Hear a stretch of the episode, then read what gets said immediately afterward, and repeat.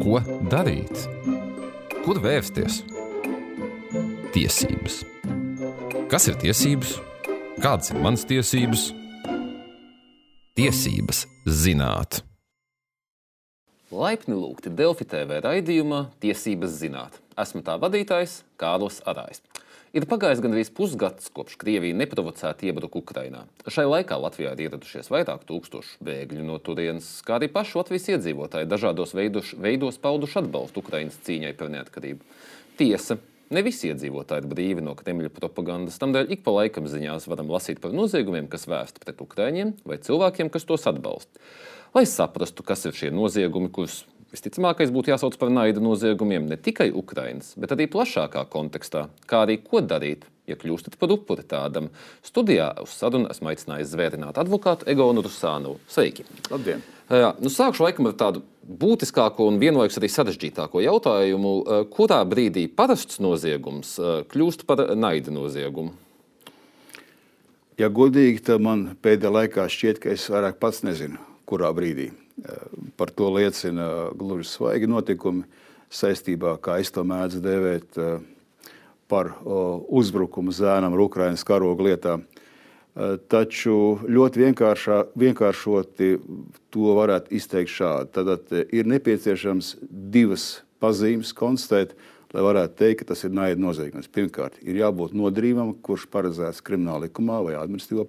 Eh, tad, tad, tas ir administratīvs pārkāpums vai krimināla, kriminālā kārtā sodāms noziedzīgs nodarījums. Un otrs aspekts nepieciešams ir nepieciešams konstatēt motīvu motīvs ir aizspriedumi pret kādu personu grupu, pret reliģiju, tautību, etnosu un tā tālāk. Jo pats par sevi naids nav krimināla sodāma darbība, tāpēc ir nepieciešams šīs abas pazīmes konstatēt.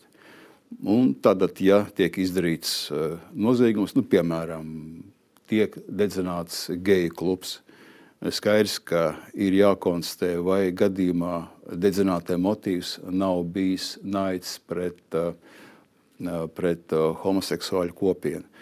Tad, bet tikpat labi motīvs var arī būt naids pret, piemēram, klubu īpašniekam, nav nekāds sakars ar, ar LGBT plus kustību. Tad, tādā kārtā noskaidrojot uzbrucēju vai, vai, vai nu, personas, kura ir veikusi kādas kriminālas vadības darbības, motīvu, tad, ja tas ir naids pret kādu no manis minētajām grupām, tad mēs uzskatām, ka ir noticis naida noziegums. Bet kā mēs šo motīvu varam noskaidrot? Ja tas izklausās nu, samērā ēteriski. Tāds... Jā, tieši tā. Tā ir tā problēma. Un, uh, diemžēl, uh, diemžēl šie daudzskaitlīgie gadījumi par Ukraiņas karogu uh, noraušanu, dedzināšanu, par uh, automašīnu ar Ukraiņas uh, numurzīmēm bojāšanu vai šo numurzīmu iznīcināšanu Un tā tālāk mums, diemžēl, oficiāls amatpersonas stāsta, ka nesot iespējams noskaidrot motīvus šiem noziegumiem, lūk, jo nu, saka, nevar nevienam ielīst iekšā un nevar pārbaudīt, kas tur viņam īsti galvā.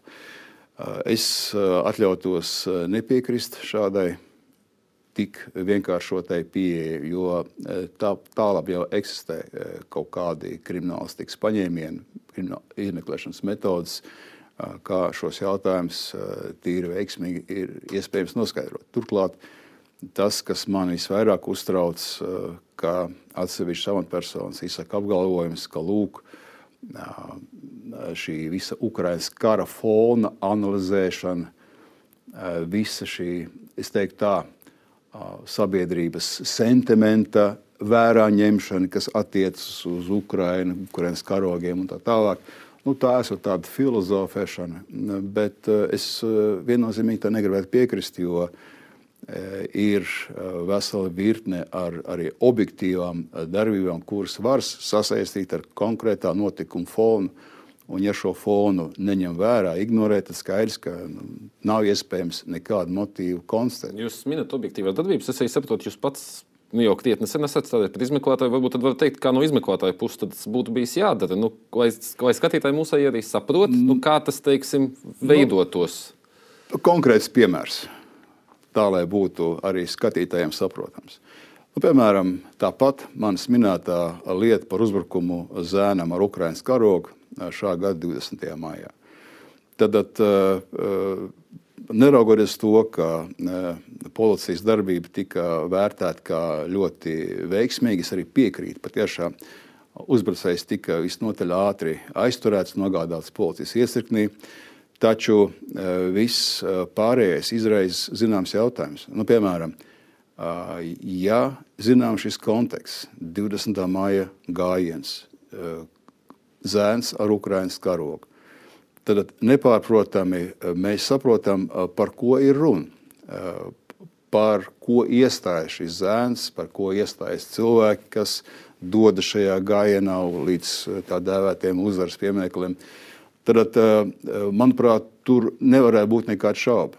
Neizpratne varētu būt tikai tiem, kur vainu neseko līdz šīm aktualitātēm, jeb arī atrodas pilnīgi citā informatīvajā telpā.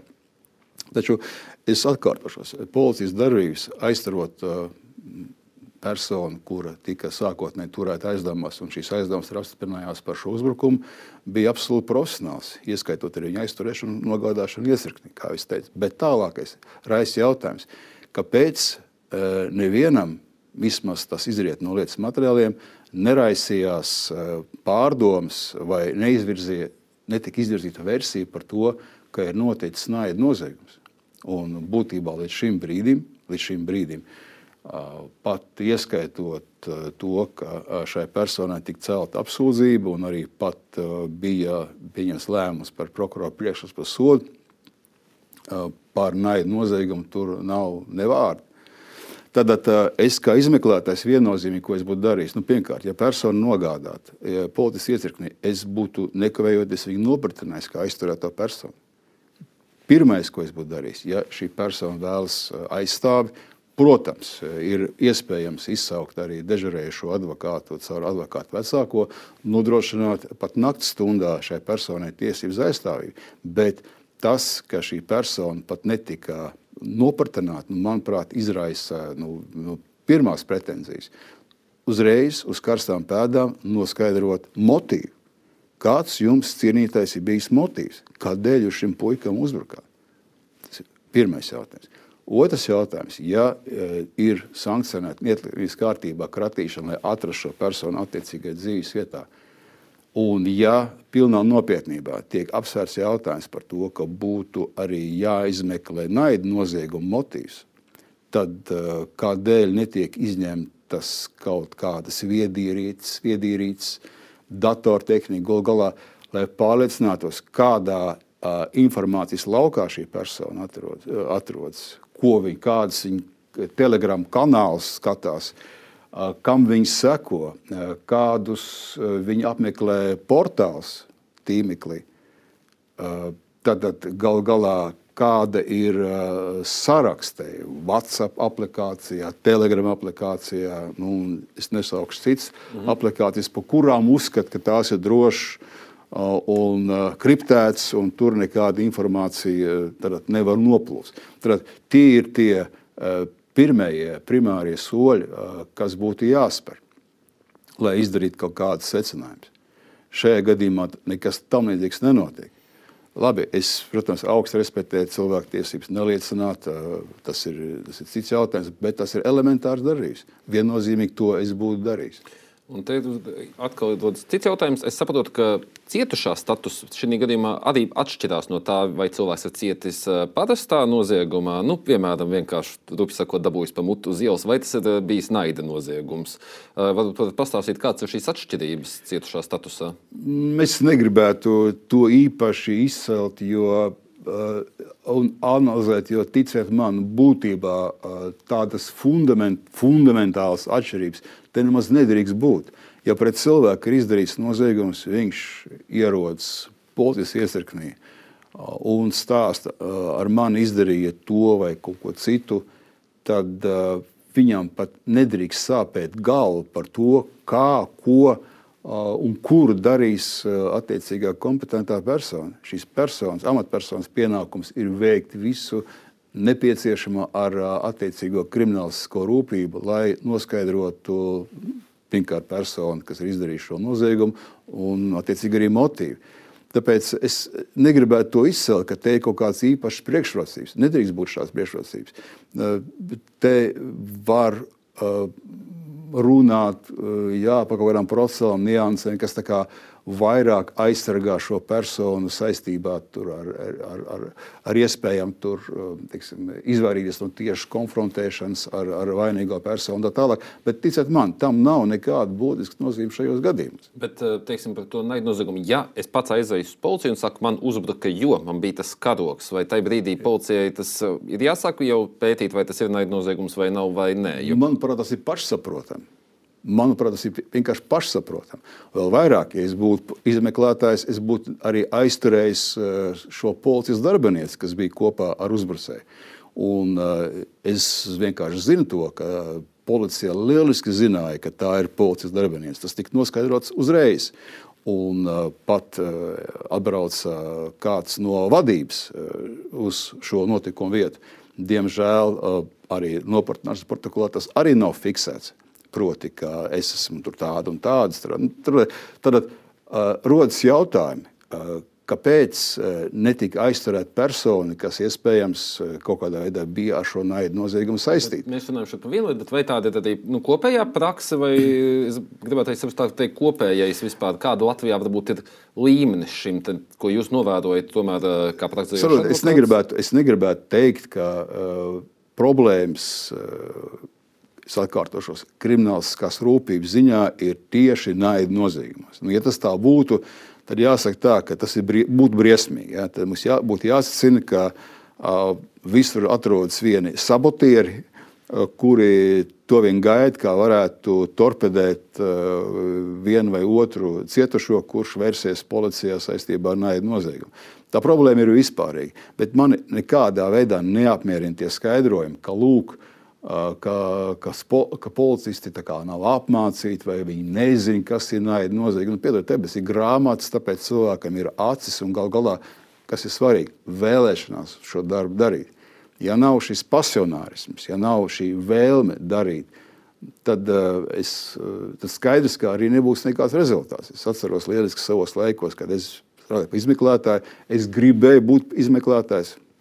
Nezinu, kāpēc. Es gribēju, man, Man tas patika vismaz pirmajā laikā, kamēr es, eh, nu, iekams, es eh, sapratu, ka varbūt uh, dzīvē ir viss daudz savādāk nekā, nekā grāmatās un kinofilmās. Bet tik ilgi, kamēr šis romantisms zināms, ir, tikmēr cilvēks arī ir, arī ir motivēts kaut ko darīt. Bet, eh, ja kurā gadījumā jūs piekritīsiet, piemēram, ir vesela virkne ar noziegumu veidiem, kur tas entuziasms atkal rodas. Nu, piemēram, vardarbībā par bērniem. Nu, kurš, eh, kurš no uh, izmeklētājiem vai prokuroriem nu, teiktu, ka nu, tas nav svarīgi, tas tā, nu, nav, nav interesanti. Tur pastāv šis emocionālais aspekts, sentiments, ja, šis, tas, šis paaugstinātais jūtīgums par šo noziegumu kategoriju. Vai, piemēram, kapu apgānīšanas lietās. Nu, kurš no policistiem teiks, ka nu, kā tur atšķirība, tur nolauzt tur krustu, tur izpostīt kapu kopiņu. Es pieļauju, ka tur jau šis sentiments ir krietni zemāks. Jo ir jau tādi attīsti un, un cīniķi, kur pateiks, nu, kas tur, tur mironiem pilnīgi nav, kas tur ar viņu kapu notiek.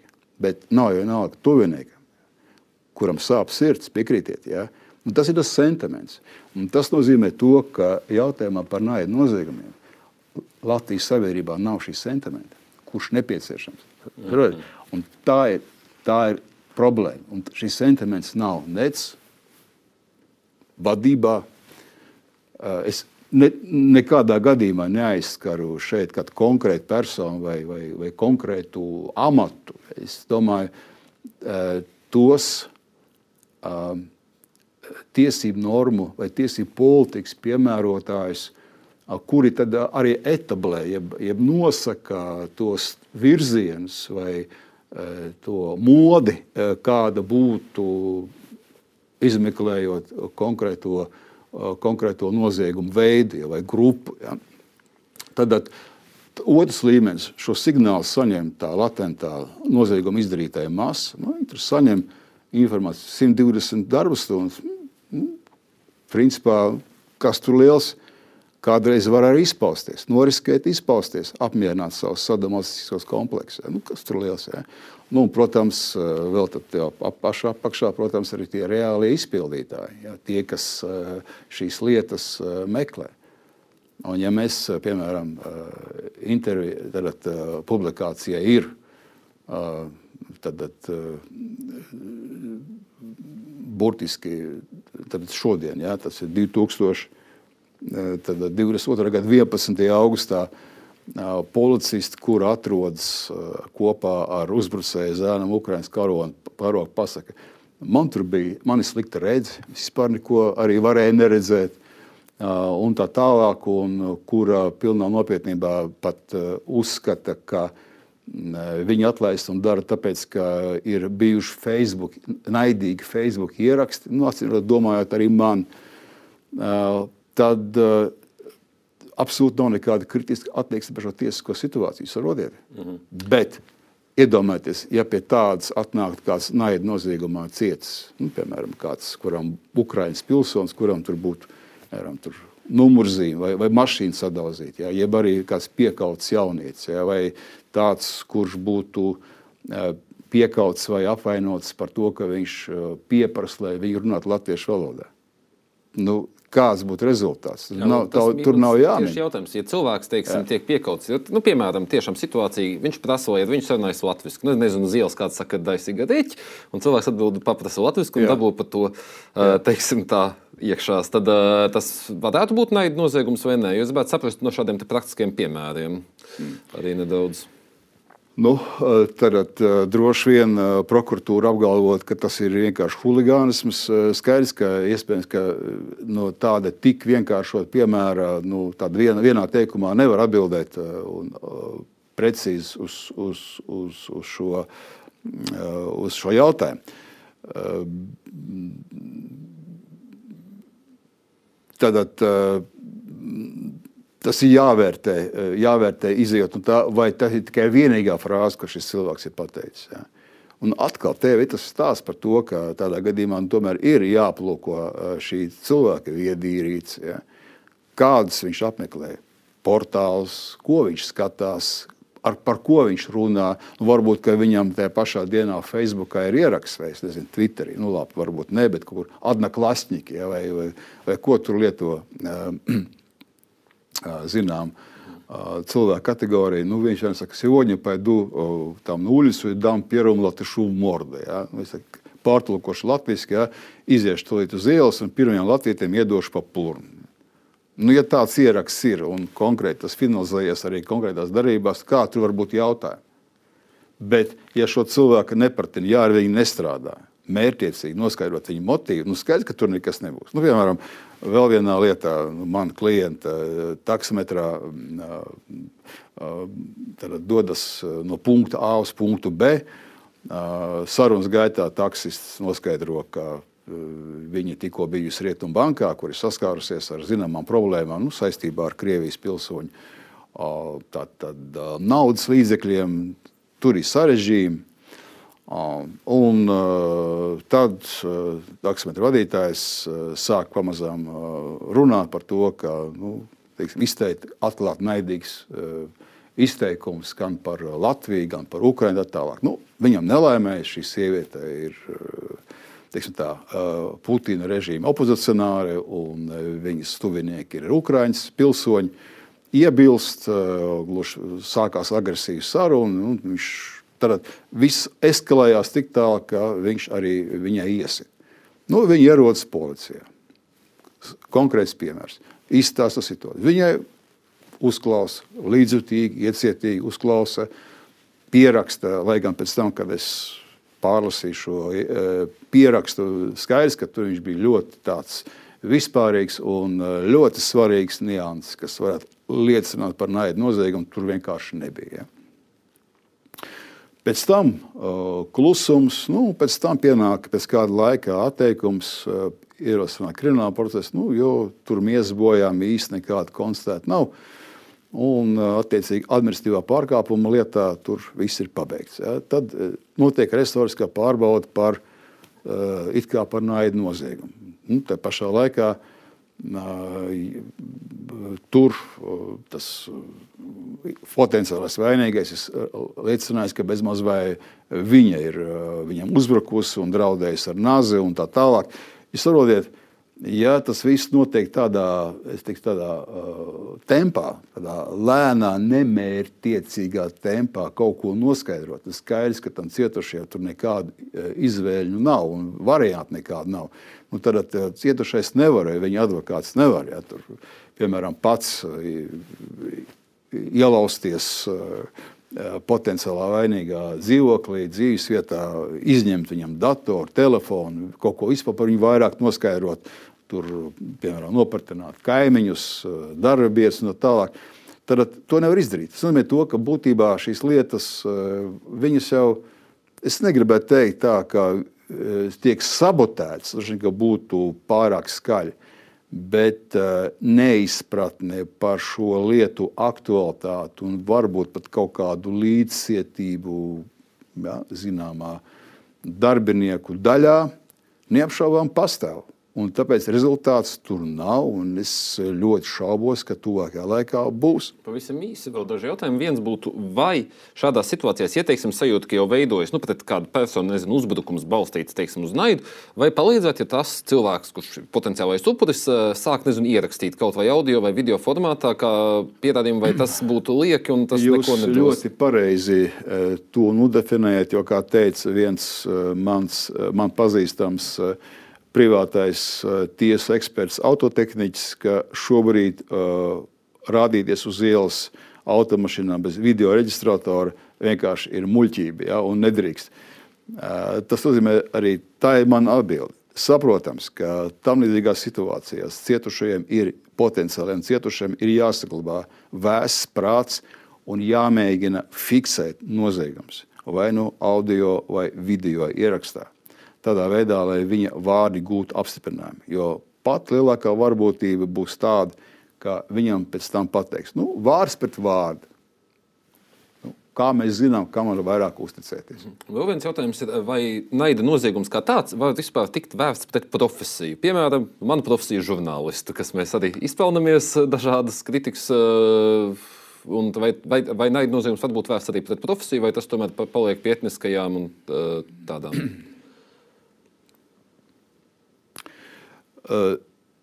Pirmkārt, jau nu jā, skaidra lieta, ja, ka ja pret jums būs tiks vērsts uzbrukums, nu, piemēram, nu, tas nav labi uz kādu rādīt. Ja, bet, piemēram, ar kādu žurnālistu tiks, šis žurnālists piemēram, tiks piekauts ja, saistībā ar to, ka viņš ir rakstījis kādu publikāciju, piemēram, atmaskošu publikāciju. Eh, nu, diez vai eh, varētu teikt, ka naids ir pret eh, žurnālistiem kā tādiem. Jo varbūt tajā pašā laikā viņš ar lielu prieku skatās Simoņānu vai, vai kādus citus Kremļa klaunus, ja, kas, kur patīk. Ja. Tāpēc teikt to, ka tas ir vērsts pret žurnālistiem totāli. Nu, varbūt tajā pašā laikā viņam patīk kāds cits žurnālists, ja. varbūt arī nu, no kāda cita portāla vai no kāda cita laikraksta.